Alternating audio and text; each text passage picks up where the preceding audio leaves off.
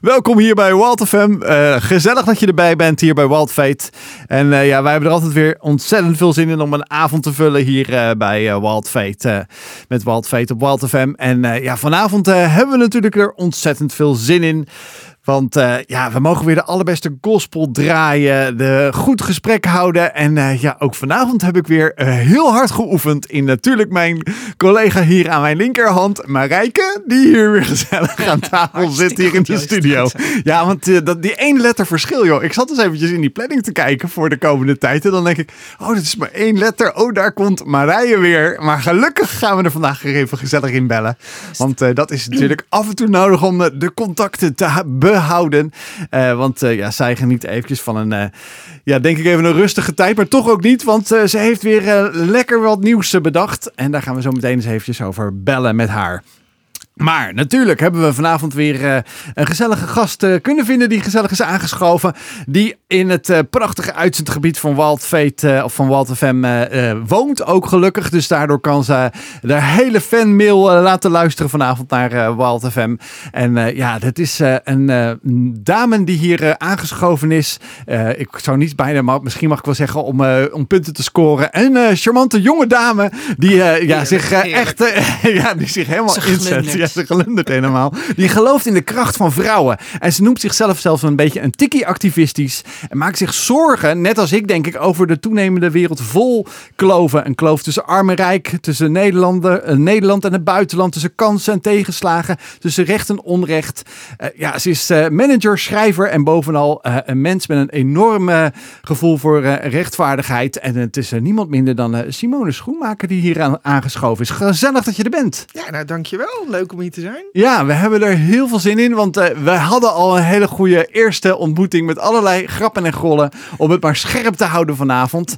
Dus ik ben heel benieuwd uh, wat uh, deze avond ons gaat brengen. Jij hebt echt, als ik het eventjes in het mooie ja, researchwerk wat Marijke al gedaan heeft. Oeh, ging bijna mis Joost. ja, ik zat er Heel dicht tegenaan, heel dicht. De, de, wat Marijke al uh, gedaan heeft, dacht ik bij mezelf van wauw, hoe is het ooit gekomen dat je als, vrij, uh, als verpleegkundige uh, nu uiteindelijk een manager bent en van een hele grote, ja, toch wel afdeling van een mooie organisatie. Daar gaan we uitgebreid over praten, maar daarin hebben we natuurlijk altijd wel eerst even de benieuwdheid. Wat vandaag... Wild Fate geluksmoment. Jouw geluksmomentje is, maar ik spaar je nog eventjes, want eerst mag Marijke eens eventjes gaan vertellen wat, uh, waar zij nou zo blij van wordt. Ze zit ook hier te glunderen, dus er zal vast wel iets leuks zijn gebeurd. Nou, niet zozeer gebeurd. Ik heb oh. gewoon heerlijk geslapen vannacht. ook dat is een geluksmoment. Oh, ja, echt fantastisch. Ik ben dus echt van nature echt een hele lichte slaper. Als ik mijn, naar mijn bed ga en ik ruik mijn kussen, dan slaap ik zo. Ja. Ik, ik, kan ook echt overal slapen, dat is geen probleem. Maar ik word altijd in de nacht een aantal keer wakker.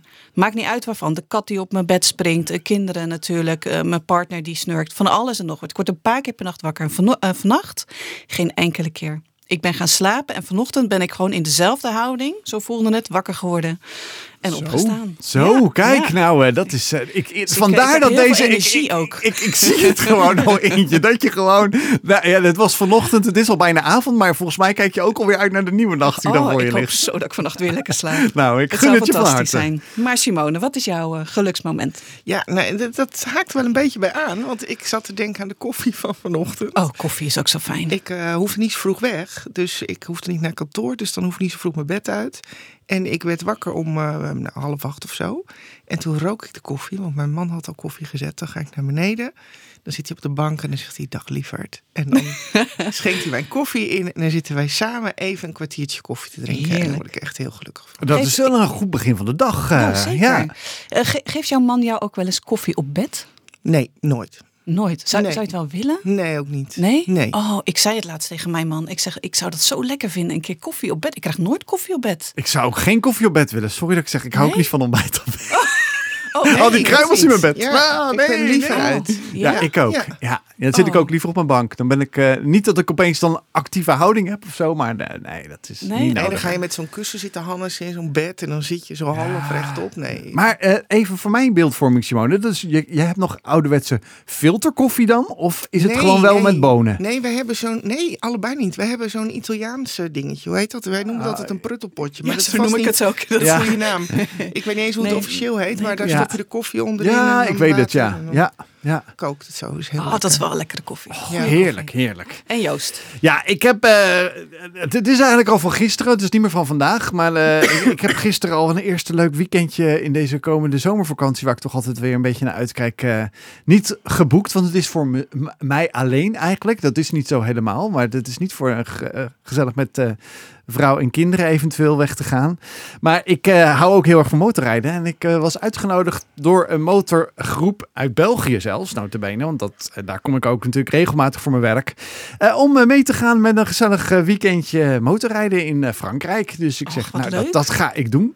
Dus dat, Leuk. Het, is ook niet dat ik dat nou altijd zo leuk vind om de, te gaan toeren. Want ik rij eigenlijk al voor woon-werkverkeer. Dus ik zit veel op de motor. Maar ik denk, laat ik het eens een keer proberen. Je weet het niet. En ga je dan overnachten in hotels of heb je een tentje, Joost? Ik heb een tentje. We zitten, Oh, maar het is, ik zal verklappen. Er- Ze hebben al eh, afgelopen najaar hebben ze al even gecheckt van hoe ziet dat er, eh, hoe ziet dat eruit. En het is echt een belachelijke lage prijs. Dus daarom dacht ik, nou doe ik het al helemaal. Want we krijgen gewoon in die drie na- nachten dat we er zijn, kregen we elke eh, avond een eh, drie gangen menu. Er zit koffie bij, er zit wijn bij, want het is Frankrijk natuurlijk.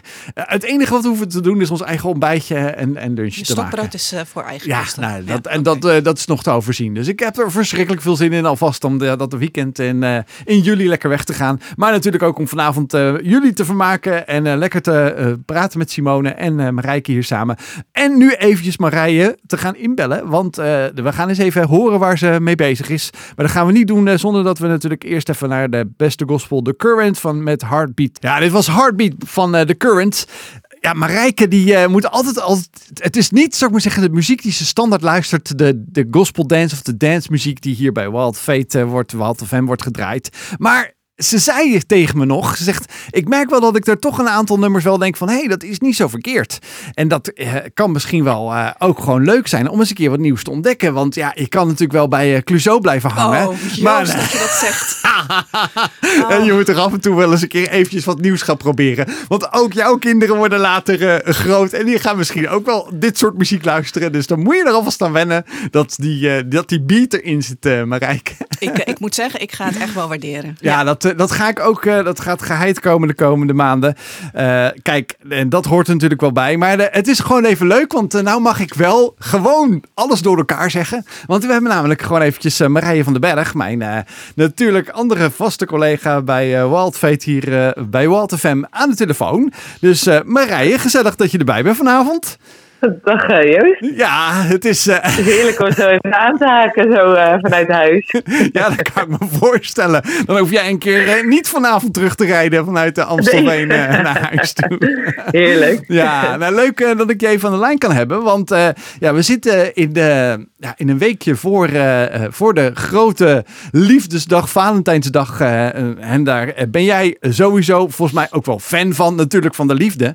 Maar ook vaak in alles wat jij... Uh, ja, wat jij doet en waar je met je werk mee bezig bent, naast Wild FM natuurlijk, bij Wild Fate, uh, dat je daar ook gewoon je eigen onderneming hebt en uh, ja, relaties heel erg belangrijk vindt, daar al verschillende dingen voor ontwikkeld hebt en dat je er ook nu iets nieuws voor weer hebt klaar liggen om mensen uit te dagen. En wat is dat precies?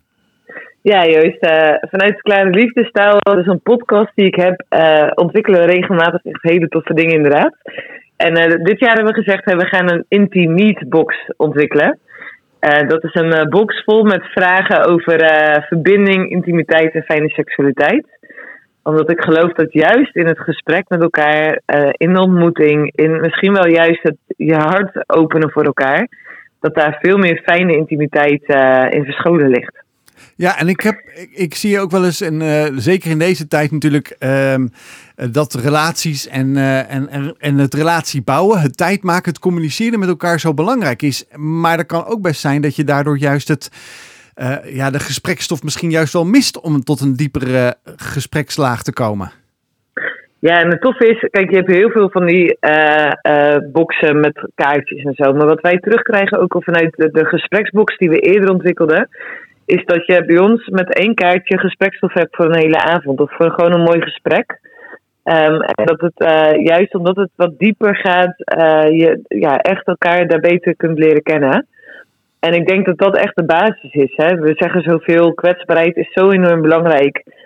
binnen werk of op wat voor terrein dan ook. Maar ik denk dat het het allerbelangrijkste facet is van een gezonde liefdesrelatie.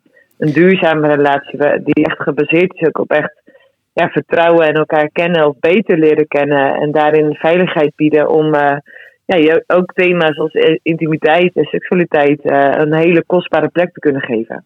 En kun je ook een voorbeeld noemen van zo'n kaartje? Wat voor een, een vraag er bijvoorbeeld op staat? Ja, dus we hebben drie verschillende niveaus, Marijke. Eh, dus uh, zeg maar, wil je een beetje luchtig of wat dieper? Oh, dus je kan kiezen. Ja, je kan kiezen. En, en heb jij, nou dan moet jij misschien zeggen welk uh, oh, niveau misschien jij wel zou. nou, doe nu maar even de luchtige. dat is helemaal goed. Um, dat is bijvoorbeeld een vraag van: uh, Oh, wat zijn de momenten waarin je denkt: Oeh, ik heb nu echt zin in intimiteit met jou? Oh ja, ja ik ga er geen antwoord op geven natuurlijk. ja, maar dat is goed. is dat uh, tussen jou en Bram, maar niet tussen jou en mij bereiken. maar het is wel een heel mooi gesprek, zeg maar. Van, Zeker. Want dat, dat, kan daarin ook echt anders zijn. Ja. En uh, ik las van de week nog, volgens mij kwam het bij de Linda voorbij van iemand die echt veel meer behoefte had aan intimiteit dan de ander, ook door omstandigheden. Ja, en dan, dan kan het heel moeilijk zijn, ook een heel moeilijk gesprek zijn. Want als je dat gesprek opengooit, hè, kan de ander zich ook afgewezen voelen. Of er kan zoveel gebeuren. Uh, maar niet uitspreken van dit soort dingen, of het niet bespreekbaar maken, dat heeft ook enorm veel impact. Dus dat is wel echt een beetje de, ja, de gedachte hierachter van, hey, laten we dat gesprek openen. Um, in een setting waar het gewoon ook fijn is en prettig is om elkaar te zien. En daarin elkaar te kennen en gekend te zijn. Uh, zodat ja, de liefde nog meer verdiept. En daarmee dus ook de intimiteit en seksualiteit uh, prettiger wordt. En, en waarom heb je dit, uh, want je zei net al van, er zijn al heel veel verschillende van dit soort kaartjes, uh, van dit soort boxen. En misschien juist ook wel juist rond deze uh, Valentijnsperiode, dat ze misschien overal oppoppen. Ja. Maar toch zeg jij van, ik heb het toch ook ontwikkeld, omdat er daar toch ook een behoefte aan gekomen is, omdat jij ook nog sprak over je Klare Liefdestaal podcast. Is dat ook een actuele ja. podcast? Draait die dan ook nog steeds? Ja, klopt. We draaien sinds ergens in COVID was natuurlijk zoveel nieuws eh, dat er, uh, ja, dat er gewoon heel veel relaties onder spanning stonden. En vanuit daar zijn we een podcast gestart, de Klare Liefdestaal podcast. En um, ja, juist om dus die gesprekken uh, te bevorderen, we doen ook een stuk coaching. Um, dus we bieden zoveel verschillende dingen aan. We hebben een online training ook voor koppels. En vanuit daar zeiden van het is eigenlijk heel tof om mensen sowieso iets mee te kunnen geven. Of ja, eigenlijk een mooie gesprekstarter te geven. En wat ik net al even zei, uh, het, heel veel van die boxen, dat is gewoon een grap of is een beetje, als je het hebt over seksualiteit, veel meer uh, um, ja, een beetje seksspelachtige setting. En dit gaat echt over dus het, de taal, zeg maar, de klare liefdestaal. Dus echt het gesprek met elkaar aan te gaan op een dieper niveau uh, en vanuit daar dus een goede duurzame relatie te bouwen. Ja, volgens mij is dat ook juist de bedoeling. Uh, misschien ook wel om dat moment te, pakken rondom de, de Valentijnsdag. Want een gesprek, een goed gesprek, is juist het behoud van je, van je relatie voor de langere termijn. Dus ik denk dat het een mooie aanvulling ook kan zijn in jouw box. waar kunnen ja, mensen absoluut. die box bestellen of krijgen of inzien? Ja, dus tot en met Valentijn hebben we gratis verzending. En nu mogen jullie er vanavond ook eentje weggeven. Kijk! Um, maar uh, ja, dat is altijd leuk. Maar via klareliefdestaal.nl en dan slash gespreksbox. Op die pagina vind je beide gespreksboxen. Of gewoon klareliefdestaal.nl. Of uh, via de socials at klareliefdestaal. Dan kun je, kom je zeker te weten bij de box uit. En um, ze zijn ook via bol.com beschikbaar en via lokale boekhandels. Dus... Uh, nou ja, als je even op zoekt, Intimate Box, dan uh, kom je er zeker bij terecht. Nou, volgens mij uh, moet het helemaal duidelijk zijn. En uh, mogen we er vanavond eentje weg gaan geven. Dus dan gaan we dat ook eventjes in onze story of in op de socials zetten van, van Wild FM. dat je eventjes je naam stuurt, doorstuurt. En als je nou denkt van ik heb die socials niet bij de hand. Dan mag je ook gewoon een mailtje sturen naar studio.twr.nl studio.twr.nl en zegt ik wil die box met eventjes je naam.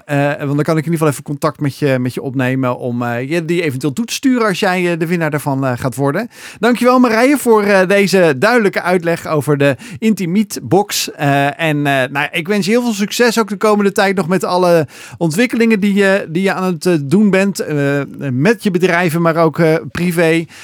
en leuk je weer even gesproken te hebben. En tot binnenkort natuurlijk weer hier ja. bij Walt FM. Absoluut, juist. Veel plezier vanavond in, uh, in de studio. En uh, nou, zeker tot de volgende keer. Ja, tot gauw. Doeg. Most Precious Love van uh, de House Gospel Choir hier op uh, Walt FM bij, met Walt Fate. En uh, ja, dat is misschien ook wel een mooie aansluiting, juist de Most Precious Love.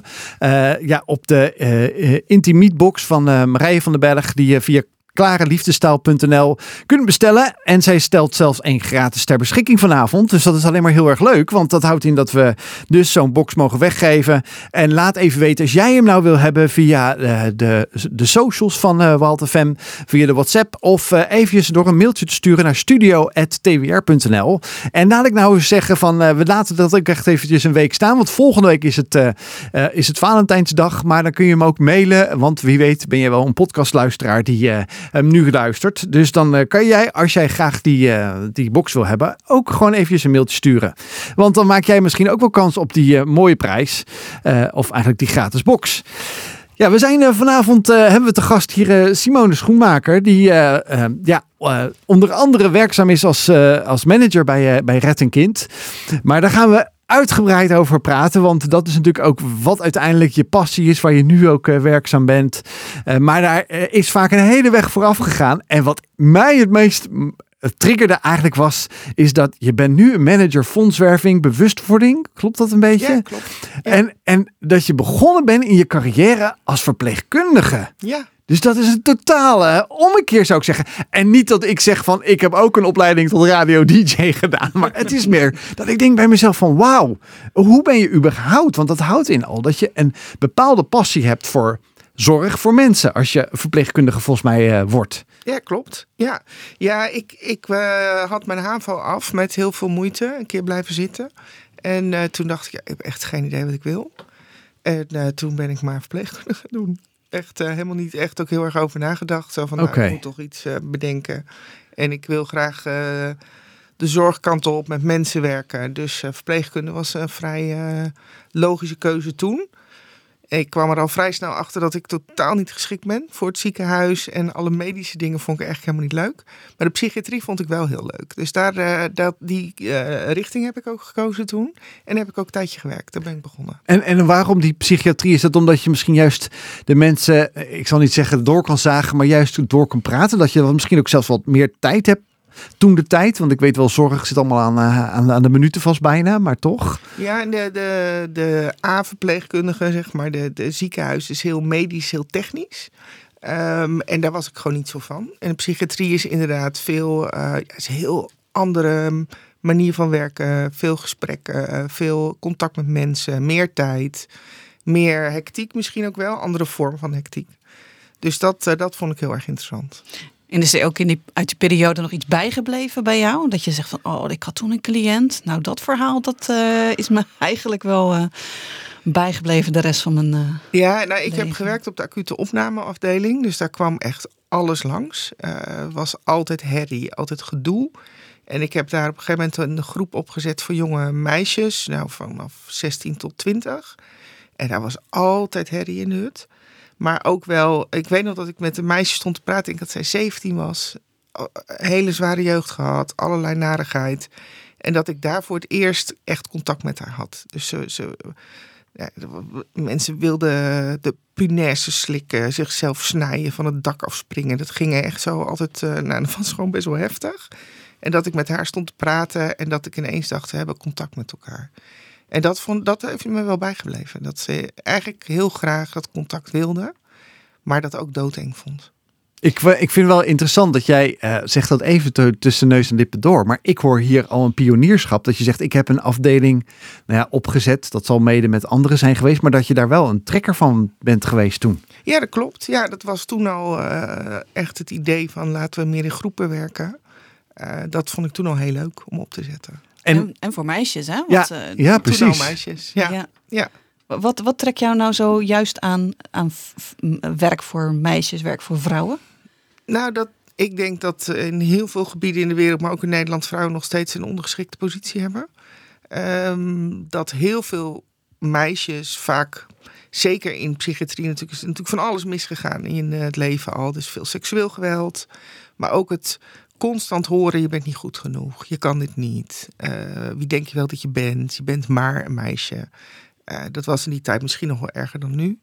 Ja, en dat heeft me altijd getriggerd. Ik dacht van ja, maar het is echt flauwekul. Want vrouwen kunnen heel veel en kunnen uh, net zoveel als mannen. En die gelijkheid moet er gewoon komen. Uh, is dat vroeger bij jou thuis uh, met de paplepel al ingegoten? Of heb je daar ja, zelf je ja, in doorheen gevochten? Of, of ben je daarmee bezig gegaan? Nee, dat is er wel ingegoten. Mijn vader, ik, heb, ik kom uit een gezin met drie dochters. Dus alleen maar, alleen maar meiden. En mijn vader die had zoiets van, ja, jullie leren gewoon hoe een stekker werkt, hoe je wasmachine aan moet uh, sluiten, hoe je je band moet plakken. En mijn vader was heel uh, motiverend. Die zei altijd tegen me, ga maar doen, dat kan je wel, doe maar. Dan zei ik, ik wil afstuderen in India. En dan zei mijn moeder, oh, en hoe dan en waar dan? En dan zei mijn vader, oh, dat is leuk, moet je doen, dat is goed voor je. Dus die heeft dat altijd wel heel erg gestimuleerd. Ja. Nou, bijzonder, zo'n ja, vader. Ja, hm? geweldig. Ja. Want je vader is overleden op uh, een paar jaar terug nu? Uh, zeven jaar terug nu. Zeven jaar terug. Ja. ja. ja. En, en kijk, en voor je geweest. Ik wou net zeggen, kijk je dan ook ja. nog inderdaad zo op terug wel van, nou, mijn, mijn vader heeft dus wel da dadelijk een, een, een mooie, goede stempel op die manier ook in mijn leven gehad. Ja. En ik uh, ben daar echt heel dankbaar voor. Ik denk dat zeker voor jonge meisjes een vaderfiguur heel belangrijk is en dat het daar ook heel vaak fout gaat. Ik ben heel benieuwd hoe jij dat, uh, hoe jij dat ziet of hebt gezien ondertussen in je ja, carrière in, in alle organisaties waar je hebt gewerkt. We luisteren naar Waymaker van Jack Isaac. We praten nog steeds in de studio met uh, Simone Schoenmaker, manager momenteel bij Red en Kind. En begon haar, ze begon haar werkende carrière bij, als verpleegkundige in de GGZ en daar vertelde ze net al, net al over. Um, maar je bent niet nu nog steeds verpleegkundige, dus je hebt op een gegeven moment een overstap gemaakt. Wat ben je gaan doen na het verpleegkundige in de GGZ? we zijn naar het buitenland gegaan. Dus ik had inmiddels twee kinderen. De oudste was toen twee en de jongste was vijf maanden. En toen zijn we vertrokken naar Frankrijk. We hebben een jaar uh, Frans gestudeerd. En toen uh, naar uh, Noord-Afrika gegaan. En daar hebben we zeven jaar gewoond. En waarom? Ja, waarom? Ja, um, nou, we wilden graag iets anders doen. Dat speelde zeker mee. We zeiden van we willen echt wat anders gaan doen. We willen graag naar een Arabisch land. Dat, dat heeft ons altijd al getrokken. En daar ook een verschil kunnen maken. Dus we zijn met de zendingsorganisatie gaan werken.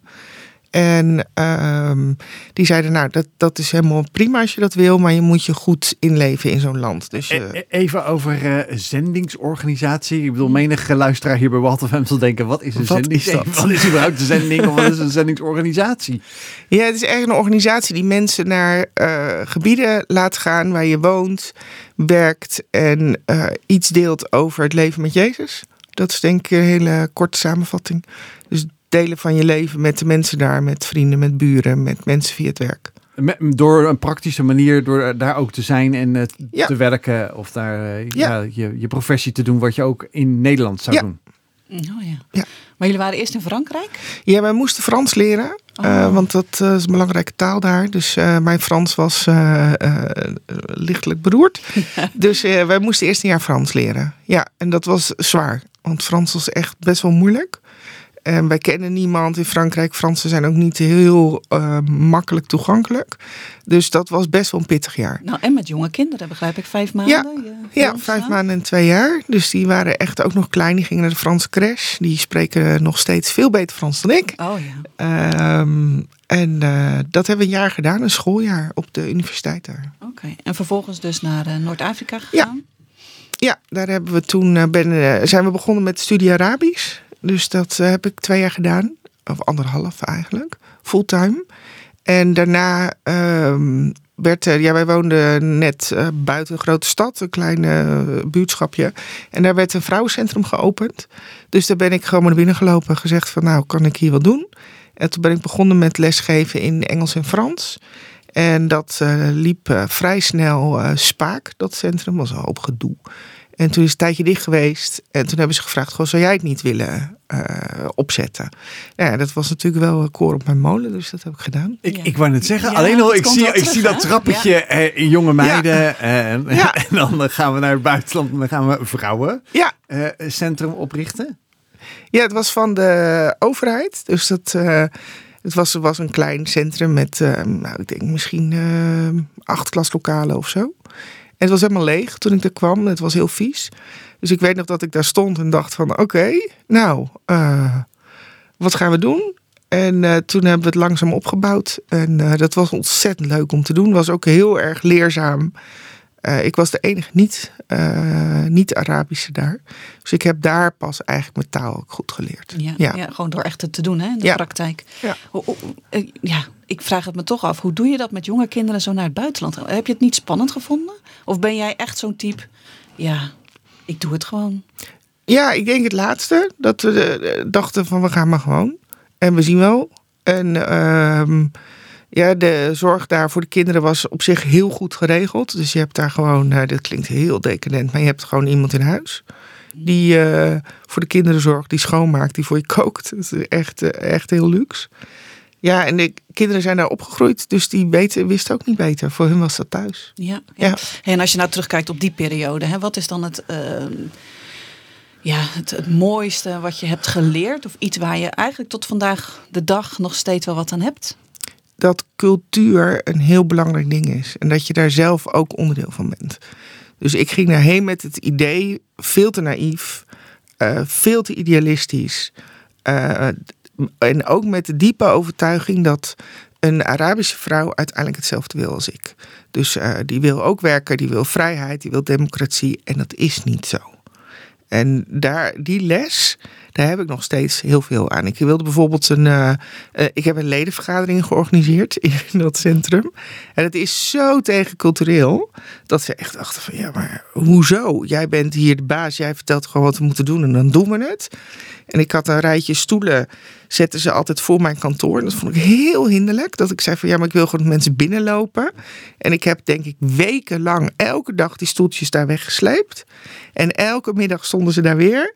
Dat ik op een gegeven moment dacht van ja, maar dit is gewoon hoe het hier werkt. Ja, ja. en waarschijnlijk dat met die cultuurverschillen, dat neem je ook nu nog mee in je werk van Red de Kind. Hè? Want Ja. ook nu reis je nog veel naar andere landen. Ja, Veel te maken met andere culturen. en die cultuur moet je begrijpen voordat je effectief kan zijn.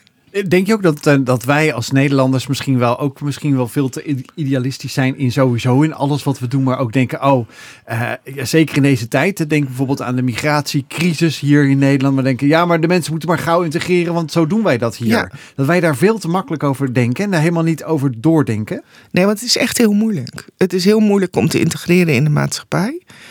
En nou had ik nog het geluk dat ik, ik zei altijd, ik kwam aan de bovenkant in de maatschappij. Want ik had een huis, ik had geld, ik had status, want je bent eh, westerling. De mensen die hier komen hebben dat allemaal niet. En het is echt heel lastig om je aan te passen aan een cultuur die zo anders werkt, zo anders redeneert. Er zijn zoveel ongeschreven sociale regels die je niet kent en waar je echt heel veel fout op maakt. Maar Marijke had het even al net al gevraagd van eh, ja, mooie of ja, goede herinneringen of, of hè, bijzondere dingen. Heb jij eigenlijk ook iets meegemaakt waarvan je dacht van zo, dit zette me wel helemaal terug op mijn plaats eh, eh, in, in, een, in een voorbeeld, in iets wat ik heb meegemaakt toen je daar woonde? ik ben uiteindelijk het vrouwencentrum uitgezet. Ehm, moet ik wel even toelichten. Dat, eh, dat liep heel goed. We hadden 80 vrouwen, meisjes en het liep eigenlijk te goed. Dus we hadden, we hadden allerlei mensen die giften gaven uit Nederland. We hadden een naaiatelier, en een kappersalon en een theehuis en weet ik wat allemaal. Ehm, en ik had veel eerder de Arabische vrouwen dat, daar veel, nog veel meer bij moeten betrekken. En het veel eerder over moeten geven. En dat eh, werd ook gewoon een, eh, een inzet in een politiek spel. Van kijk eens hoe goed het centrum draait. Maar dat kunnen we niet alleen maar aan een westerling ophangen. Dat moet echt ook Arabisch zijn. Dus ik ben van de een op de andere dag eruit geknikkerd. Eh, dat was binnen een week. Dat was super heftig. Uh, dat, dat was ik toen ook helemaal van, van mijn padje af. En heel boos en heel gefrustreerd. En achteraf denk ik, ik heb daar echt zelf ook fouten gemaakt. Goodness of God hier bij uh, Walter Fem van uh, Guy Brazil. En uh, ja, een heel bekende Portugese DJ die heel veel remixes heeft. Want ja, dat zie je ook in, in gospelland, in gospel dance. Dat er gewoon lekkere nummers, nummers worden geremixed. En soms zeggen we wel eens van, nou geef mij toch maar het origineel. Dus wie weet, The Goodness of God, dat is ook een, een mooie gospelnummer die ook in een origineel is. Wie weet ben je wel geïnteresseerd in deze gospel dance muziek. En ga er eens eventjes naar luisteren, zou ik zeggen. We zijn hier in gesprek met Simone Schoenmaker. zij is nu op dit moment huidige werk is Red manager voor de organisatie. Maar daarvoor heeft ze een hele omloop gedaan om uiteindelijk in die positie waar we volgend uur meer over gaan horen, uiteraard uh, heeft ze gemaakt. En onder andere door met haar kinderen en haar man te verhuizen naar, naar Noord-Afrika. Met een hele ja, weg daar een mooie school op te hebben gestart. Zelfs met overheidssteun en dergelijke. Maar ook vanuit veel donaties. En puntje bij paaltje eindigt je net het, het ja, toch ook wel het treurige, niet nieuws, maar eigenlijk wel gewoon ook een stukje cultuur. Dat uiteindelijk je die uh, ja, school bent uitgezet, uh, of ja, ze bent afgezet uh, en de, de, de, toko moest verlaten, achter je moest laten. Dat zal veel pijn hebben gedaan, denk ik. Ja, dat was heel heftig. Ja, ik weet nog dat ik die eerste weken een soort, soort waas zit je dan in. Van dit gebeurt niet, het kan niet. En het gebeurt wel. En ik denk dat het achteraf misschien ook nog wel goed is geweest. Dus dat je, dat je echt leert van, nou, je moet dingen dus misschien ook een beetje anders doen. Want dat uh, moment zette ook voor jou in jullie leven ook een markeringspunt om andere dingen te gaan doen? Ja, we zijn toen nog een jaar gebleven, maar de, nou, er speelde van alles en er was een hele hoop gedoe. Um, dus toen hebben we op een gegeven moment gezegd, nou, onze kinderen worden wat ouder, die waren toen 8 en 10. Dus toen hebben we besloten terug te komen naar Nederland. Maar kijk je wel nog goed terug op die hele periode? Of, eh, ja, ik kijk daar heel goed op terug. Nee, het was toen ingewikkeld, maar het, het heeft ons heel erg gevormd. En ik heb nog steeds uh, daar ook hele mooie herinneringen liggen. Dus ik kijk er zeker positief oh, op terug. Dat is fijn inderdaad. Ja. ja. Hey, en wat ben je gaan doen toen je inmiddels terug was in Nederland? U, überhaupt, vraag me af, hoe was dat, die eerste periode in Nederland? Zwaar. Wij kwamen terug vlak voor de kerst. En uh, toen lag er een heel groot pak sneeuw.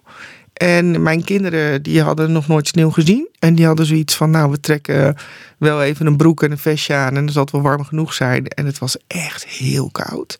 Dus ik weet nog de eerste dag dat we in Nederland waren, stonden we met z'n allen bij de zeeman. Ja. Uh, snowboots en winterjassen. Als het maar warm is. maar warm is. Uh, ik was toen in verwachting van nummer drie. Die is, die is een maand later geboren. Dus het oh. waren een behoorlijke stresstoestand. En ik uh, zeg achteraf wel eens, ik was een beetje zo'n uh, uh, ijsbeermoeder die in zo'n hol ligt te wachten tot het voorjaar komt. Met een kleintje. Ja, ja was pittig. Ja, ja. ja. Hey, en wat ben je gaan doen? Want op een gegeven moment kwam er wel wat op je pad. Ja, ik ben bij uh, Koorts begonnen in Amsterdam. Dat is een organisatie die zich inzet voor vrouwen in prostitutie, gedwongen prostitutie. Dus daar ben ik begonnen uh, half jaar later met uh, straatwerk, hulpverlening, maatschappelijk werk. Ja. Dus toch ook weer vrouwen? Ook weer vrouwen. Heb je, daar heb je echt op gezocht of het kwam meer op je pad? Of hoe is dat nee, daar heb ik wel op gezocht. En ik weet nog dat ik zei, ik wil geen saaie baan. Want we kwamen best wel uit een heel dynamisch werkveld. Dat ik zei, nou, ik ga niet weer de zorg in. Maar ik wil wel uh, iets doen met vrouwen en ik wil geen baan. En toen kwam dit langs. En uh, ik ben natuurlijk helemaal geen maatschappelijk werker. Dus mijn man had die functie gezien. Die zei, joh, dat moet je, uh, moet je doen. En toen dacht ik, ja, dat kan, ik weet helemaal niet of ik dat wel kan. Ik weet er niks van. Um, maar goed, toch geschreven en ook gekregen uiteindelijk. Maar je zegt je, straatwerk. ja. Wat houdt dat precies in? dat was in het Wallengebied in Amsterdam. En ook in Haarlem. Om daar gewoon de ramen langs te gaan, met vrouwen te praten. Hoe is het? Uh, waar lopen tegenaan? Kunnen we wat voor je betekenen? Clubbezoek. Um, dus dat. En een deel maatschappelijk werkers als vrouwen echt zeiden van nou ik wil uitstappen of ik zit in een hele moeilijke situatie. Dan uh, starten we een begeleidingstraject. Ik, ik denk altijd dan, uh, misschien ook wel denken de luisteraar thuis ook wel, uh, als je zit te luisteren van ja de wallen, ja natuurlijk kennen we dat van, ja. noem het maar even het vertier en, en de rode lichten. En de, volgens mij is het drukste vierkante kilometer van heel Amsterdam. Dus hulp, is daar hulp nodig? Ja. Ja, veel. Ja, je ziet ook daar dat veel uh, vrouwen. Dus ik ben natuurlijk nu een tijdje weg. Maar dat veel vrouwen daar ook in hele moeilijke omstandigheden zitten.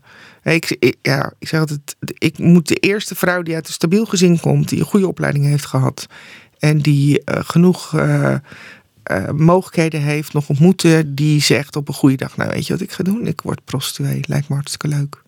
Ik denk dat iedereen of bijna iedereen daar een verhaal heeft. Ja, heb, je, ja, heb je een voorbeeld van zo'n verhaal? Wat voor, dus je, sprak heel veel mensen, toch? Heel veel vrouwen? Ja. Ehm, nou, ik moet altijd denken aan Monica. Dat is een bekend, uh, bekende vrouw waar ik veel meegewerkt heb, lang meegewerkt heb. Uit uh, Roemenië. Stond achter het raam toen ik haar leerde kennen. Zei toen, nee, er is niks aan de hand. Ik vind het hartstikke leuk. Heb je zelf voor gekozen. Is helemaal prima. En dat duurde best wel lang. Ik denk dat we elkaar een half jaar alleen maar gegroet hebben. En toen op een gegeven moment zei ze, nou, wilde ze toch praten. En toch ook stoppen. En toen bleek zij uh, verhandeld te zijn vanuit Roemenië naar Amsterdam. Gedwongen uh, gewerkt te hebben in de prostitutie heel lang. Nu voor haarzelf te werken, heel lang verhaal. Maar dat ze zei, ik kan dit niet meer. Ik kan niet meer. Elke man die langskomt neemt een stukje van me mee. En ik ben helemaal niks meer. Ik weet niet meer wie ik ben. Ik weet niet meer wat ik... Uh, wat, wat, mijn lievelingskleur is. Ik weet niet meer wat mijn dromen zijn. Ik weet het gewoon niet meer. Ik doe alleen maar handelingen. En dat, uh, dat vond ik super heftig. Ik weet nog dat ik haar vroeg om een kleur te kiezen voor een map. Van, van haar begeleidingsmap. En toen zei ze, dat weet ik niet. Ik zeg, nou kies maar iets wat je mooi vindt. Maakt mij niet uit. En toen zei ze, nee, ik wil dat jij kiest. Ik zeg, ja, maar ik ga niet voor je kiezen. Ik wil dat je zelf kiest. En daar werd ze heel zenuwachtig van. Dat kon ze eigenlijk helemaal niet meer. En dat vond ik zo'n schrijnend voorbeeld. Uh, dat zij gewoon helemaal stuk was gemaakt. Dat ze haar eigen wil eigenlijk niet meer had. En dat ze continu hoorde: je mag niks vinden, je mag niks kiezen, want het wordt voor je bepaald. En er is één zinnetje wat ze zei, dat heb ik altijd, is me altijd bijgebleven. Zij als ik in de tijd dat ik bij een pooier zat en in een huis zat met allemaal meiden die in de prostitutie werden ingezet, um, was s'avonds de keus als je je in elkaar laat slaan, dus als je je laat slaan, dan mag je in een bed slapen. En als je dat niet doet, dan slaap je op de grond. En dat, vond, dat is me zo bijgebleven, die uitspraak. Dat ik dacht, dat, dat is een manier om mensen helemaal kapot te maken. Ja, want jij bent een persoon, zeg maar, die sowieso een heel sterk rechtvaardigheidsgevoel hebt. Je noemt jezelf ook een tikkie activistisch. Ja, een beetje wel. Dat, ja. Dit soort dingen voeden dat natuurlijk wel. Wat, wat deed dat met jou dan? Wat, wat, hoe uitzicht dat bij jou nu? Nou, ik was toen echt woest, weet ik nog. Dat ik echt dacht van, hoe is het mogelijk dat dit bestaat?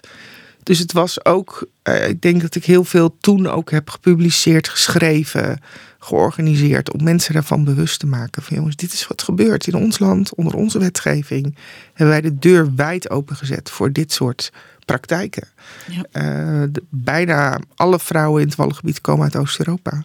Ja, die komen hier echt niet naartoe omdat die zo gezellig is. Nee, nee, nee. Hey, en jij, jij schrijft ook graag, hè? Ja. Ja. En uh, daarnaast speel je ook uh, theater. Komt dat, dat uh, waar je het nu over hebt, hè? over dat rechtvaardigheidsgevoel en over dat je mensen dingen wil duidelijk maken. Komt het daar ook in naar voren? Ja, voor een deel wel. Schrijven zeker. Ik hou heel erg van blog schrijven. Dus een beetje venijnig. Het liefst een beetje schurend. Ja, rauw. een beetje rauw. En eh, toneel daar ook wel in uh, gebruikt. En to maar toneel is ook wel een uitlaatklep voor mij. Dus ik speel ook gewoon uh, comedy en uh, allerlei gewoon kluchten. Om even de dingen van elke ja. dag te laten bezinken. Ja. Nou, ik, ja, ik ben heel benieuwd ook naar het tweede gedeelte van, het, van dit interview. Hè? Naar straks. Um, en dan zullen we het meer gaan hebben over wat jij, het werk wat jij nu gaat doen. Prima. It's Possible van Matthew Parker hier bij, uh, bij Walt FM. Leuk dat je terug bent. Tweede uur van uh, Wild Fate. En uh, ja, we hebben natuurlijk daar in de allerbeste gospel nog voor je op de playlist staan. Want dat vind ik altijd een van de leuke dingen om weer nieuwe muziek te zoeken. En daar hier ook te draaien natuurlijk bij, bij Wild FM. We zijn met Simone Schoenmaker in gesprek. En het eerste uur heeft ze eigenlijk best wel uitgebreid verteld over ja, haar, ja, ik zal bijna zeggen wel haar passie. Of misschien ook wel haar roeping, zoals ze dat wel eens zeggen. Hè? Dat je echt jezelf uh, ja, je voelt om dat te doen om voor vrouwen uh, op te komen. En daar begon ze mee al als, uh, als jonge verpleegkundige om een meisjesafdeling op te zetten in een GGZ-kliniek of in een GGZ-instelling. En daarna later in het buitenland een, een vrouwenhuis ja, op te zetten. Of zelfs een hele organisatie daar rondomheen waarin je van alles hebt gedaan. Daar plots bent uitgezet. Daar heel veel hebt geleerd over juist de buitenlandcultuur. En dat ook weer hier in Nederland hebt kunnen terugpakken toen je uh, daarna, toen je pas terug was in het koude Nederland, terugkwam met je, met je kinderen, uh, hoogzwanger. Uh, daarna, daarna weer ben, het werk ben gaan oppakken tot, bij, tot held des, volks bij het Scharlakenkoord op de Wallen. En daarin ook heb gezien van uh, ja, hoe belangrijk de leerschool is geweest die je hebt meegenomen. Maar ook juist dat rechtvaardigheidsgevoel voor, uh, voor vrouwen en hun positie, hun onderdrukte positie uh, daarin in meeneemt. en daar zijn we ook heel benieuwd in hoe je dat ook dan in je huidige werk ook doet. En hoe je daar uiteindelijk ook natuurlijk beland bent. Maar dat doen we nooit zonder dat we het tweede uur altijd even starten met die tijdmachine. Maar wat is nou die tijdmachine? Want misschien luister je wel sinds kort pas naar ons programma. Of luister je dit. We willen je eigenlijk meenemen in ons eh, programma Wild Fate in van wat, wat is nou geloven? Wie is Jezus? Want wij volgen Jezus Christus, want we zijn gelovigen, we zijn christenen. Eh, maar wat houdt dat nou in om Jezus te volgen in het dagelijkse leven? Hoe houdt dat nou in? En daarin hebben wij onder andere de Bijbel, dat zijn 66 losse boeken die bij elkaar gevoegd zijn, die ook uh, iets laten zien wie God is in, in het leven van mensen, maar ook in wat hij je graag wil meegeven. In het geloof wat wij volgen. En daarin hebben we de tijdmachine waarin we altijd onze gast vragen. Neem eens ons mee, jou, mij, in jouw favoriete Bijbelverhaal. En waarom neem je ons daarin mee? En wat zie je daar? Wat vertelt het ons? Nou, dus Simone, ben jij er klaar voor? Zeker. Nou, dan uh, gaan wij die machine starten. De deuren opengooien. Dames en heren, ben jij er klaar voor? En waar ga jij ons mee naartoe nemen, Simone? Ik uh, neem jullie mee 2000 jaar geleden. Uh, Jezus is net begonnen met het vertellen van zijn verhalen. En hij krijgt steeds meer mensen die meelopen, die willen weten wat er gebeurt. Hij geneest zieken, hij uh, spreekt mensen aan. En hij krijgt steeds meer invloed. En de leiders van zijn tijd maken zich daar zorgen over. Want die denken, ja, wie is hij eigenlijk? En uh, wat is politieke voorkeur? En hij zegt allemaal hele gekke dingen. En een van die leiders is Simon. En die zegt, weet je wat we doen? We nodigen hem uit, samen met zijn leerlingen, om te eten met elkaar. En na het eten zullen we hem wat ingewikkelde vragen stellen. En dat gebeurt. Dus Jezus gaat naar het huis van Simon samen met zijn leerlingen. En uh, dat is niet even een uh, maaltijdje zoals wij dat doen. Daar werd gekookt. Er werd dagen gekookt. Dus er is een aparte kamer waar uh, Jezus wordt ontvangen. Waar ze grote banken hebben staan waar ze gaan liggen. Vrouwen hebben dagen gekookt. Vrouwen komen niet in die kamer. Die zijn er alleen maar om te bedienen. De mannen gaan in de keuken te eten ophalen. En dat gaat allemaal heel erg soepel. Dus Simon is blij, de boel is op orde. Jezus is daar. En ik denk, nou weet je wat we doen? Gaan even rustig eten. En dan komen we vanzelf wel bij de moeilijke En om dat huis heen zijn natuurlijk heel veel mensen verzameld. Want iedereen wil weten wat gebeurt daar, wat is daar. En ineens komt er verderop in de straat een vrouw aangelopen. Mensen stoten elkaar een beetje aan en zeggen: maar kijk, wat, zij, wat komt zij hier doen? En de vrouw is een prostituee. En die staat ook bekend als prostituee. En zij loopt naar dat huis toe. En iedereen denkt: uh, het is raar. Waarom komt zij hier? Schandalig. Uh, wat heeft ze hier te zoeken? Ze is een slechte vrouw, wegwezen. Je past niet hier in een huis met leiders waar echt belangrijke zaken worden besproken. En zij loopt dwars door die menigte heen. En het kan niet anders dan dat ze afwijzing heeft gevoeld, veroordeling. En die kent ze waarschijnlijk heel erg goed, want ze staat bekend als een slechte vrouw, dus zij wordt overal zo behandeld. En toch gaat ze naar dat huis toe. De reden dat ze dat doet, is dat vlak daarvoor Jezus wordt weggezet als vriend van hoeren en als vriend van slechte mensen. En zij gaat niet naar het huis toe om haar gelijk te halen. Ze gaat niet naar het huis toe om mensen te spreken. Ze gaat naar het huis toe om Jezus te ontmoeten. En ze loopt het huis binnen. Het is ongekend wat ze doet. Een vrouw die niet is uitgenodigd, die prostituee is, die slecht bekend staat, loopt het huis van een Joodse leider binnen en gaat de kamer binnen, die alleen geschikt is voor mannen, waar de mannen zitten te eten, waar Simon juist zo blij is dat alles zo soepel verloopt. Ze komt binnen, ze gaat zitten aan Jezus voeten en ze huilt. Ze spreekt niet, ze vraagt niks, ze zegt niks. En Jezus zegt ook niks. Zij zitten daar samen in een moment waarin zij huilt en waarin Jezus dat laat gebeuren en daar de tijd voor neemt. En het moet buitengewoon ongemakkelijk zijn geweest voor iedereen die in die kamer is, behalve voor Jezus en voor die vrouw. En Simon die denkt: oké, nou dan weet ik genoeg. Want uh, als hij haar niet wegstuurt en hij dit accepteert, dan uh, nou, dat gaat hem echt niet worden. En al die tijd wordt er nog steeds niet gesproken. En Jezus zegt op een gegeven moment tegen die vrouw: Het is goed. Je mag opnieuw beginnen. Je krijgt een tweede kans. Ga in vrede. En zij gaat. En al die tijd in het hele verhaal spreekt zij niet. En spreekt Jezus ook nauwelijks. En wat hij doet, is hij spreekt Simon aan. Hij zegt tegen Simon, zie je die vrouw? Die houdt meer van mij dan jij. Jij hebt alleen maar verborgen agenda's. Jij hebt alleen maar spulletjes. Maar deze vrouw is oprecht. Deze vrouw is oprecht op zoek naar echtheid en naar een relatie en naar verdieping. En hij leest Simon de Les en stelt een vrouw, een overspelige, slechte prostituee, als voorbeeld voor een Joodse leider. En dat moet buitengewoon peiling zijn geweest voor Simon. Ik denk dat hij dat nooit meer vergeten is. En dat iedereen in die kamer zit daar waarschijnlijk een soort van onthutst te kijken. En de enige die voorkomen op zijn gemak is, is Jezus en vrouw zelf. En dat verhaal vind ik fantastisch. Mighty Fortress van Jesus Culture. We hebben net geluisterd naar uh, Simone, die prachtig een verhaal kan vertellen, überhaupt. Hingen echt aan jouw lippen, Simone. En je vertelde over het verhaal van de. Uh, ja, ze werd slechte vrouw genoemd. Ja, de naam is niet eens bekend. De naam is niet eens bekend. De anonieme slechte vrouw. Ze was een prostituee. Ja. En uh, zij deed iets ongelooflijk ongekends. En net even tijdens de muziek vertelde je ons van ik kon eigenlijk gewoon, ik kan niet zo goed uitleggen hoe ongekend dit eigenlijk was. Nee, wat zij nou precies deed. Kijk, in onze cultuur is het vrij normaal uh, dat je ergens uh, wat van zegt of dat je binnen zou komen. Maar in die tijd was dat ongekend wat zij deed. Ja, dat was zo tegencultureel. Dat moet iedereen gechoqueerd hebben. Daar hebben ze nog, nog weken over gesproken. En waar, ik kan me ergens denk ik wel een beetje indenken waarom nou jou juist dit verhaal jou zo aanspreekt. Maar waarom? Nou, misschien wel juist die contradictie die erin zit. Dat, je, dat je dwars door allerlei systemen, keurige mensen die alles netjes op orde hebben. Die denken, we gaan het allemaal netjes in een vakje plaatsen. En dan kunnen we dingen naar onze hand zetten. Ehm, de oneerlijkheid ook van een verborgen agenda van iemand uitnodigen en er dan toch nog even snel wat uit willen halen. En hoe dat volledig op zijn kop wordt gezet, dat vind ik echt heel leuk. Ja. ja. Vind jij, um, hou je daar sowieso zelf ook wel van om een beetje tegen dingen aan te schoppen? Ja, wel. Ja, om, om of vind je het ook echt nodig? Ik vind het eigenlijk ook echt nodig. Ik vind dat wij heel vaak in zo uh, vaste stramien zitten. Dat we denken het allemaal wel kunnen, kunnen regelen, dingen kunnen controleren. En dat is natuurlijk helemaal niet zo. Nee. En uh, nou, inmiddels, ik wil even een bruggetje maken naar het werk wat jij nu doet. Hè? Want je bent gaan werken bij uh, Stichting Red een Kind. Ja.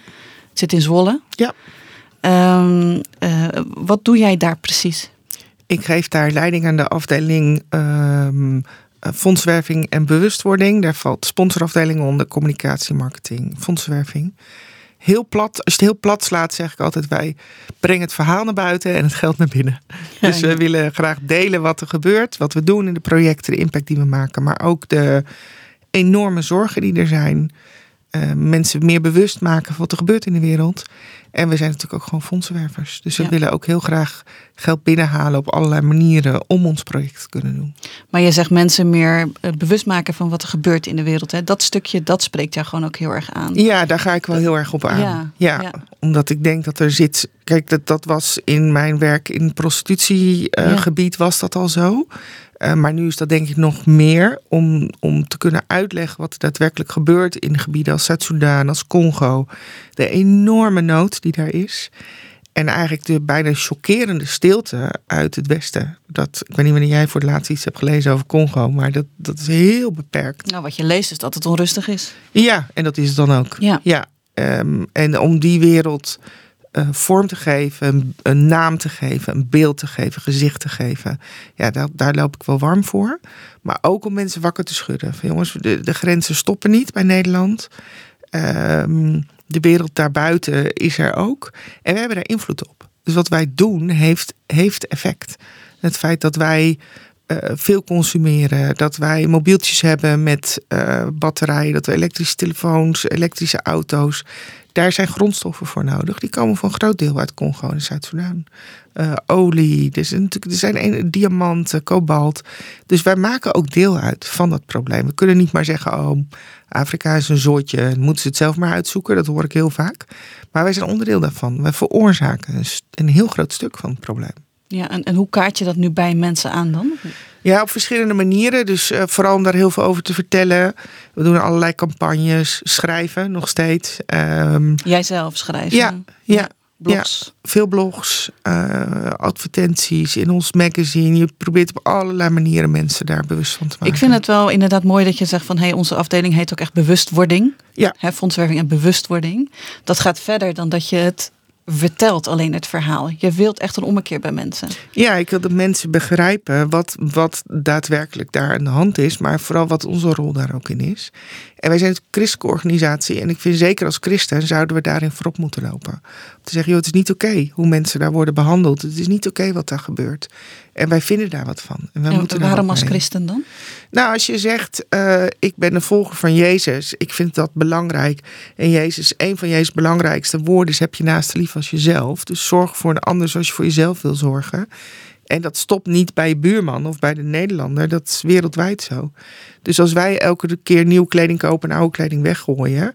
Dan hebben mensen in Bangladesh, kinderen in Bangladesh, in de textielfabrieken, die werken daaronder echt erbarmelijke omstandigheden. Als wij elke keer een nieuwe telefoon kopen, is elke keer nieuwe kobalt voor nodig. Dat zijn de kinderen in de mijnen van Congo die dat kobalt naar boven graven. En die, die werken daar onder verschrikkelijke omstandigheden.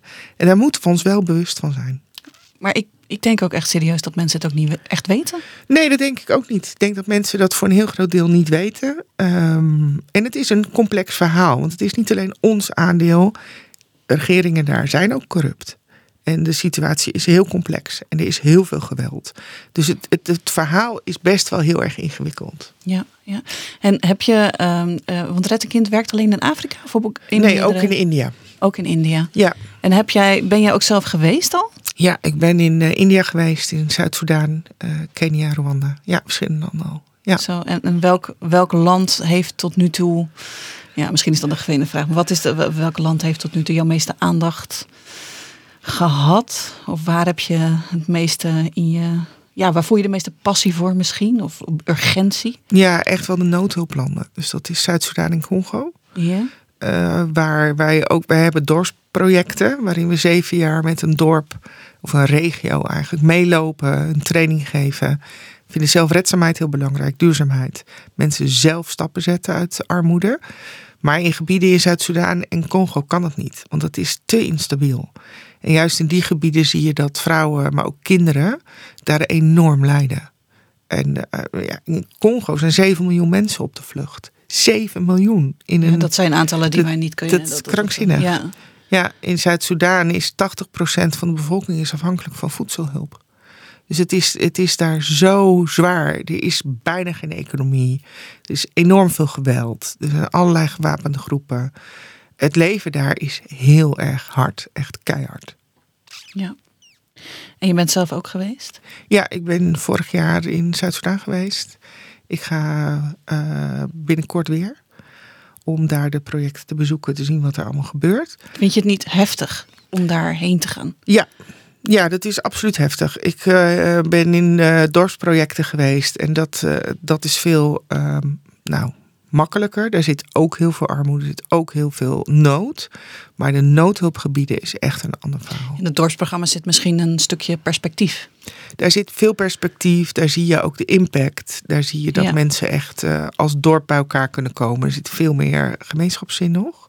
In de noodhulpgebieden is, is de situatie gewoon heel slecht. Jesus Loves Electro met Come Alive hier bij Walt FM. Met uh, ons programma Walt Fate met uh, Simone Schoenmaker waar we mee in uh, gesprek zijn.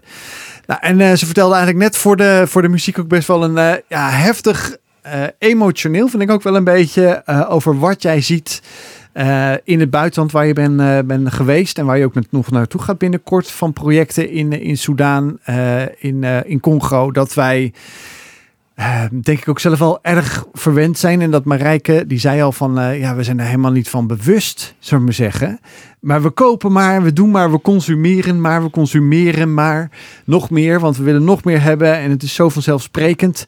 Maar waar, en jij zegt ook van, je bent uh, afdelingshoofd van de afdeling communicatie bewustwording. Maar hoe zetten jullie überhaupt iets bij mij in gedachten of bij de mensen die jullie volgen of geven of jouw blogs lezen, überhaupt in een bewustwording in actie? Ja, er zijn verschillende manieren natuurlijk om in actie te komen. Dat is het makkelijkste om geld te geven. Uh, dat is ook hard nodig trouwens. Maar we willen, wat ik belangrijker vind, is uh, dat mensen vooral zich bewust worden ook van hun eigen levensstijl. Dus dat ze kijken van, hé, hey, ik kan ook wel een keer naar een kringloop. We hebben zelf kringloopwinkels, dus dat past daar heel mooi in. Van, oh, ik heb nog goede spullen, die kan ik daar naartoe brengen. Of ik koop eens een keer niks nieuws, maar ik ga het daar halen. Heette dat ook gewoon Red een Kind kringloopwinkels? Ja, oh, ja, ja, het is heel simpel. simpel zo simpel kan het zijn. Ja, het is heel makkelijk. En die zitten op verschillende plekken. We hebben er nu zes. Oh, dat is best veel. Ehm, dat is best veel. Ja, we willen er elk jaar twee bij. Dus uh, er zijn er En, en, en waar, waar zitten ze? Zitten ze ook in het uitzendgebied van Walt? Uh, ik zit te denken, Amersfoort is dichtstbij, denk ik. Nou, dat zal een randje, een randje, zijn. zijn. Ja. ja. De rest is allemaal meer noorden. maar, maar daar begin je mee met inderdaad eigenlijk al te zeggen onze levensstijl. Uiteindelijk wel, ja. En je bewust ervan te zijn dat dit gebeurt. Kijk, en ik sprak met een collega in Zuid-Soedan en er zijn natuurlijk hele grote problemen.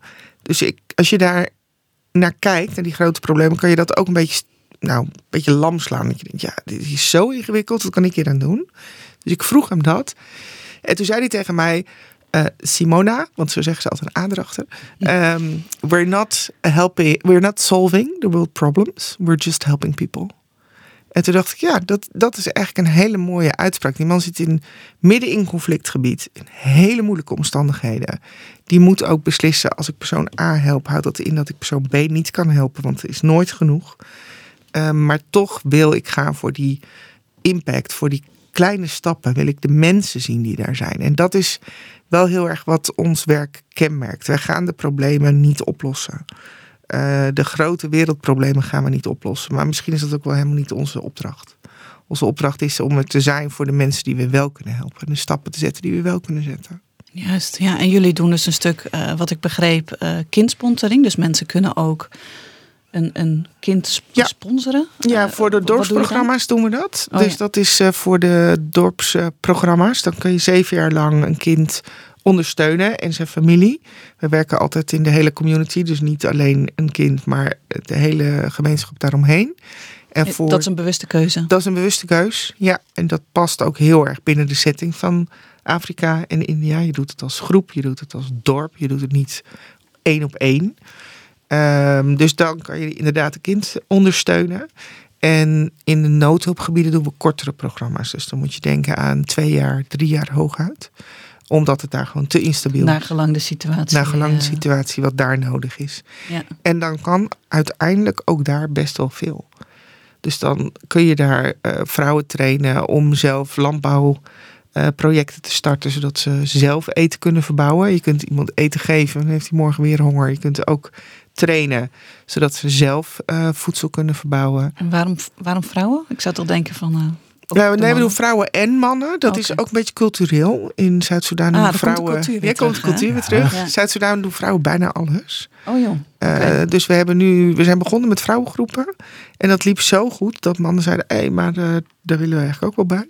Dus we hebben nu ook mannen toegevoegd aan de zelfhulpgroepen. Dus het zijn groepen die zaden van ons krijgen, training en landbouwproducten. Uh, maar ze moeten het zelf doen. En dat, uh, dat werkt eigenlijk heel erg goed. En daarnaast uh, veel focus op kinderen, op hele jonge kinderen. In kleuterschoolleeftijd. Zorgen dat er een plek is waar ze samen kunnen komen. Waar een warme maaltijd is. Waar een, uh, lerares of leraar is. Materialen zijn. En uh, bijvoorbeeld ook traumaverwerking. En, en doen jullie ook echt zeg maar uh, uh, eten en drinken geven? Want je zei net al van nou we doen meer landbouwprojecten. Maar ja. die, die situaties daar zijn natuurlijk zo schrijnend. En veel vluchtelingenkampen denk ik. Ja. Je zei over vluchtelingen. Ja, we werken veel samen met andere organisaties. Oh ja. Dus je werkt samen in een consortium. Dus je werkt in een, in een grotere samenwerkingsverband. Waar iedereen zijn deel neemt. Dus een deel doet inderdaad uitdelen van voedsel. Wij doen landbouwprojecten, kinderbescherming en uh, veilige plekken voor kinderen creëren.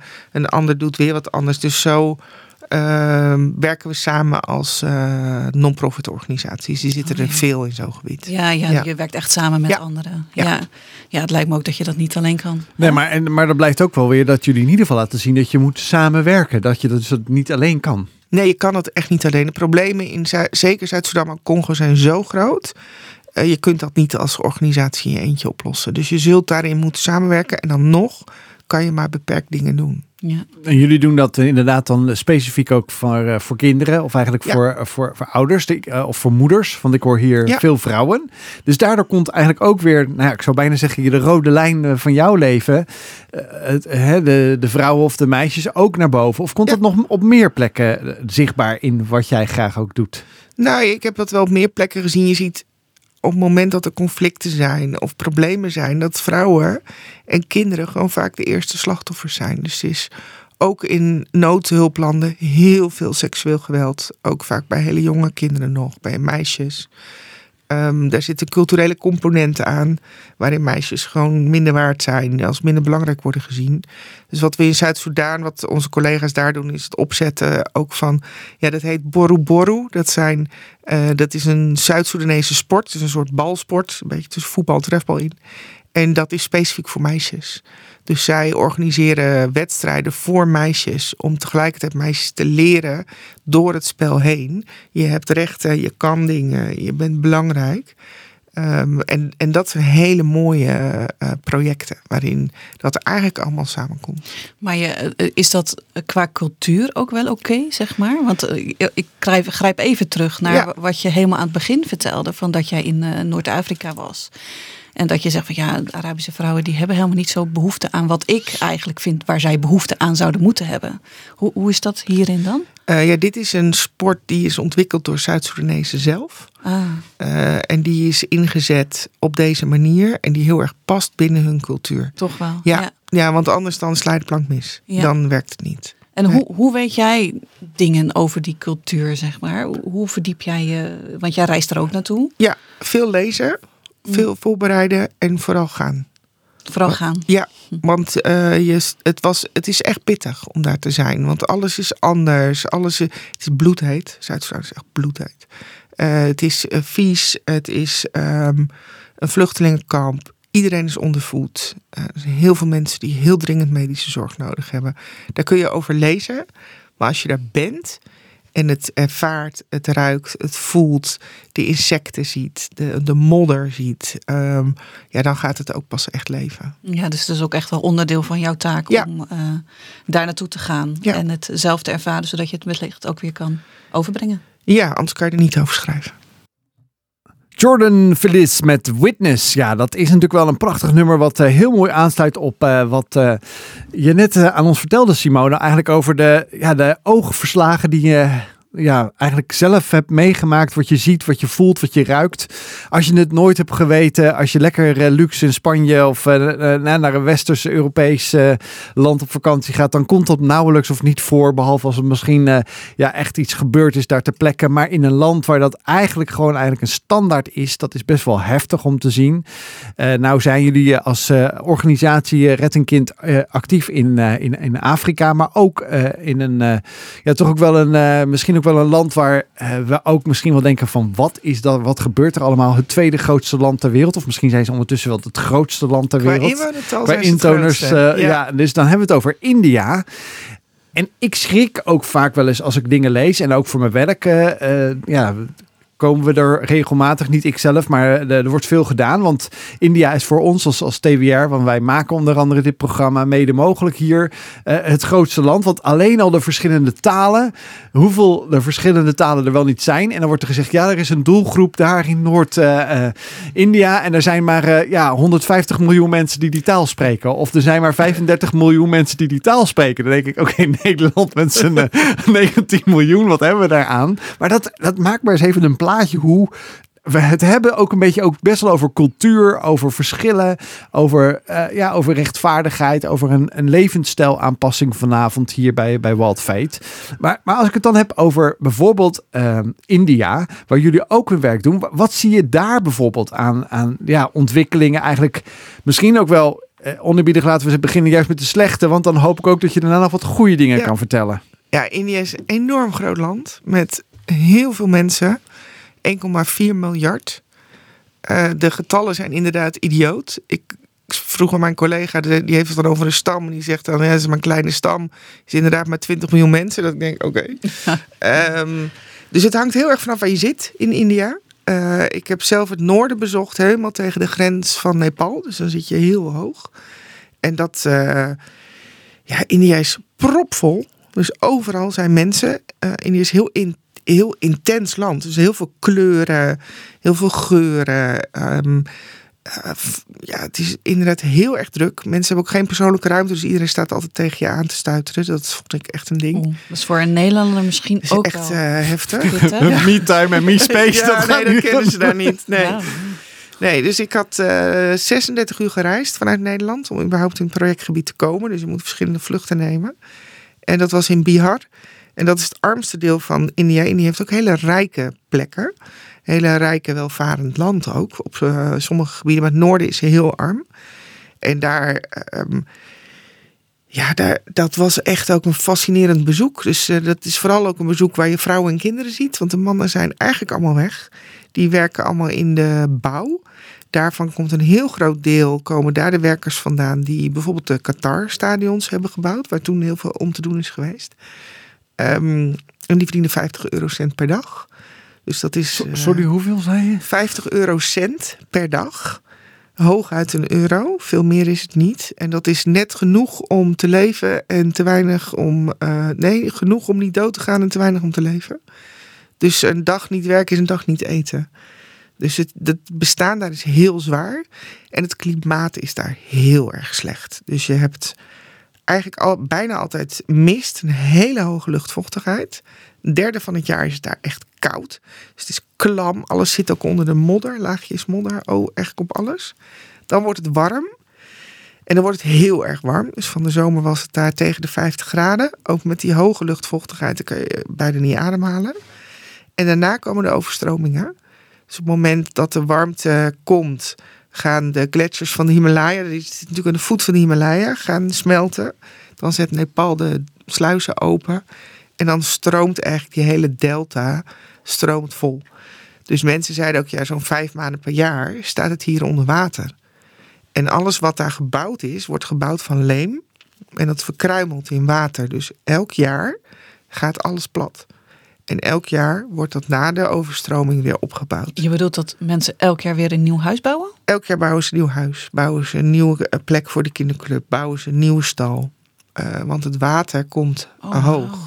Dus ik zeg maar, waar ga waar, uh, Ja, Hoe dan? Ja, inderdaad. En ze zei, we hebben bepaalde dijkjes of iets hoger gelegen gebieden, gaan we dan zitten.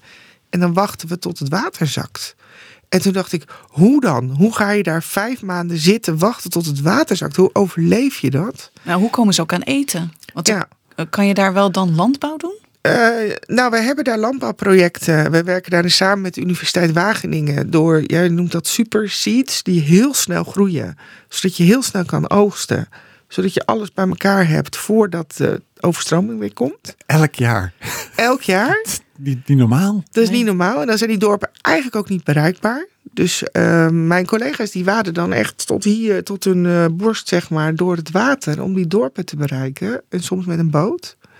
Maar dat is ontzettend ingewikkeld. Er is geen medische zorg. Als je moet bevallen in die tijd, heb je eigenlijk gewoon pech. Ja.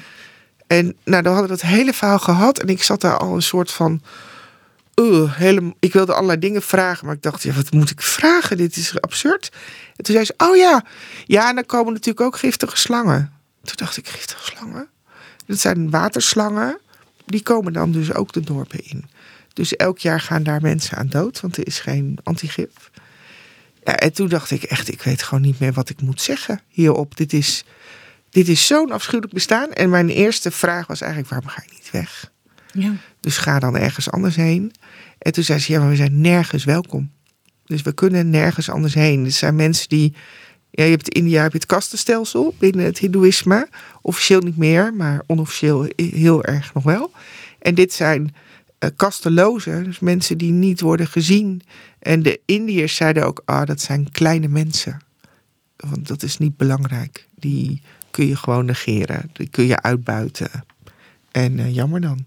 Ik, ik, denk, ik, denk, ik denk nu wel gelijk eventjes, Marijke, aan, aan het verhaal wat je net vertelde over eh, aan het begin eh, in de tijdmachine over die vrouw die kwam bij Ja. Jezus en die zei niets. En jij, jij zei eigenlijk ook van ik, ik, ik kon niks, ik kan niks. Nee. Komt dat ook? Hoe, hoe kijk je dan als, ja, als je dan denkt van ja, hoe zou Jezus hier zijn geweest? Wat had hij gedaan? Ja, ik weet het niet. Ik kom ook op plekken en in situaties dat ik denk, ik heb geen idee. Ik weet het niet. Ik ben volledig van overtuigd dat God goed is. Dat Jezus er is. Ik ben volledig overtuigd van de hoop die er is. En tegelijkertijd zie ik ook dingen waar ik geen antwoord op heb. Eh, kan, kan je dan wel een beetje hoop geven aan die mensen? Waarschijnlijk al ben je al een hoop omdat je er überhaupt al komt. Dat je dat al überhaupt wil doen om daar naartoe te gaan. Ja, ja dat, dat gebeurt wel. Ja, en dat probeer je ook te doen. En tegelijkertijd is het ook heel lastig. Want je denkt, ja, ik ga hier weer weg. En jij bent hier straks nog steeds. En in het ene gebied gaat dat makkelijker dan in het andere gebied. Ik kom ook in plekken waar ik mensen zie die de hoop hebben opgegeven. En dat, dat is wel heel naar. Dat is heel naar om te zien. En ik kom ook op plekken waar ik mensen zie die in zulke moeilijke omstandigheden zitten. En zo blij zijn en iets uitstralen en hoop hebben en de moeten inhouden. Dat ik denk, ja, hoe doe je dat? ja. Hoe geef jij dit allemaal een plek voor jezelf? Want jij maakt gewoon heel veel mee. Ja, nou, door te schrijven. Dus om het vooral van me af te schrijven. Ik schrijf bijna altijd. Dus ik hou op mijn reis heel vaak dagboeken bij. Ehm, als ik wegga, want op het moment dat ik daar ben, ben ik ook aan het werk. Dus niemand heeft er wat aan als ik daar instort of het niet aan kan. Dus zoals in Zuid-Soedan, in India, soms loop je langs het randje. Dat je denkt, ik moet heel erg mijn best doen om mezelf bij elkaar te houden. Maar ik ben daar ook aan het werk. Dus ik ben daar ook om doelen te behalen, om verhalen te halen. Vaak als ik terug in het vliegtuig zit, dan huil ik. Dan denk ik van, oh, dan heb ik gelukkig lange reis. Dus dan kan ik die uren ook, doe ik ook helemaal niks. Dan sta ik voor me uit, dan luister ik op muziek. Dan laat ik alles de revue passeren. Dan schrijf ik, schrijf ik gedichten. Uh, gewoon om het allemaal maar los te kunnen laten. Savior of the World van Retain. We hebben het uh, afgelopen twee uur geluisterd. Of zijn we in gesprek geweest met uh, Simone Schoenmaker. En uh, nou, we begonnen haar hele reis eigenlijk door het leven hebben we een beetje gehad, Simone. Ja, Van, ja. van je jeugd hebben we het zelfs nog over gehad. Ehm, je vader, die ja, toch een voorbeeld voor je is geweest. Die altijd heeft gezegd van je plak je eigen band maar. Ja, ga je maar moet, regelen. Ga het maar regelen, ga het maar doen. En van verpleegkundige, vervolgens naar buitenland met jonge kinderen. Ga er maar aan staan. Ik uh, moet het nog steeds verwerken. en uh, om vervolgens bij Schlakenkort te gaan werken hè, met uh, prostituees. Heb je heel veel meegemaakt. Ehm, heeft veel met jou gedaan. Je hebt er veel geleerd. Veel verhalen gehoord. je hebt er ook als geen ander verhalen ehm, geleerd om verhalen te vertellen. Um, en uh, inmiddels werk jij nu een paar jaar, hoe lang eigenlijk precies? Uh, anderhalf jaar. Anderhalf jaar nog maar bij, ja. uh, bij Red een Kind.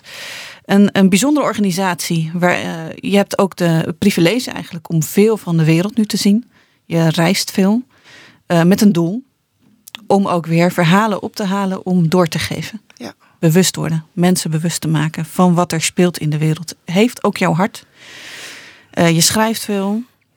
Um, en het vorige, in het voor, ja, voor de muziek, um, uh, beschreef je ook wel van. Uh, er zijn ook gewoon. Ik kom ook gewoon heel veel situaties tegen waar ik gewoon helemaal niks van begrijp. Je gelooft in God, je gelooft in, in Jezus, maar je zegt ja, ik weet het soms ook niet. Ik heb de antwoorden niet. Um, maar niks doen is ook geen optie voor jou. Niks doen is nooit een optie. Niks doen is nooit een optie. Nee. Wat kunnen, ja, wat kunnen wij nou ook nog doen als wij er. Uh, het, het, is niet hopeloos natuurlijk. Uh, wat nee, kunnen wij zeker doen? niet. Nee. Ja, ik denk wel verschillende dingen. Um, verdiep je erin, vooral. Er zijn ontzettend veel non-profit organisaties. Um, zorg dat je je daar van op de hoogte stelt. Die brengen allerlei uh, artikelen uit, magazines doen wij ook. Dus je hoeft dat echt niet bij Red Kind te doen. Er zijn heel veel goede organisaties die dat doen. Maar verdiep je in de dingen die spelen in de wereld. En verdiep je ook in je eigen rol daarin. En dat is niet leuk. Vinden mensen heel vaak niet leuk om te horen van ja, maar ik wil wel gewoon leven zoals ik leef. Dat heeft effect op deze wereld. Of je dat nou wel of niet leuk vindt, doet er niet zoveel toe. Het heeft effect. Dus wees je daar bewust van. En dan kun je met best wel kleine aanpassingen niet nieuwe kleding kopen. Kijk, ik was laatst, nou, dus de hele tijd terug met mijn dochter een keer bij de Primark. Ja, daar loop ik echt gillend uit. Ik denk, het, het kan dus niet dat je een vestje koopt voor 3 euro. Dan heeft iemand daar zitten knutselen die, die dat gemaakt heeft, die daar dus niks voor krijgt. Anders is er geen winst. En dat weten we ook allemaal wel. Maar we vinden het toch ja. ook, ook wel lekker makkelijk om even Ja. dat te doen. Ja. En dat heeft gewoon effect. Maar je moet het wel zelf opzoeken, denk ik.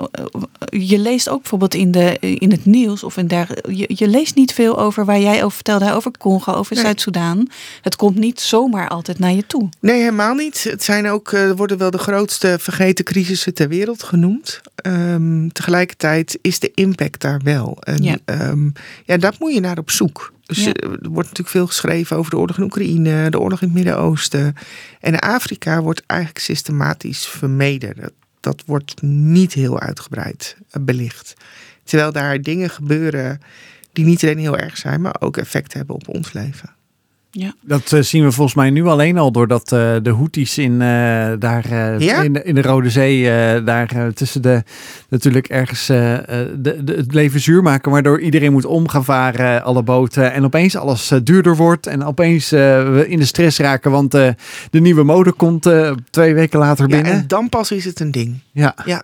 Ja. En daarvan ga ik dus tegen het plafond. Want ik denk, hoezo is het nu pas een ding? Omdat jij eh, je kleding twee weken later krijgt. Ja. Nou, is dat zo erg?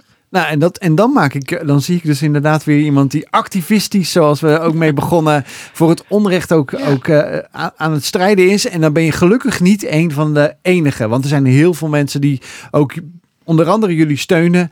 Eh, ook het, eh, het werk van uh, Red een Kind bekendmaken. Ik vind een hele mooie quote die ik hier gewoon op de, op de website zie in de, in de hoofdbanner. Geef voor even, verander voor goed. Ik denk dat is een hele mooie, belangrijke quote. Ook voor jullie als organisatie.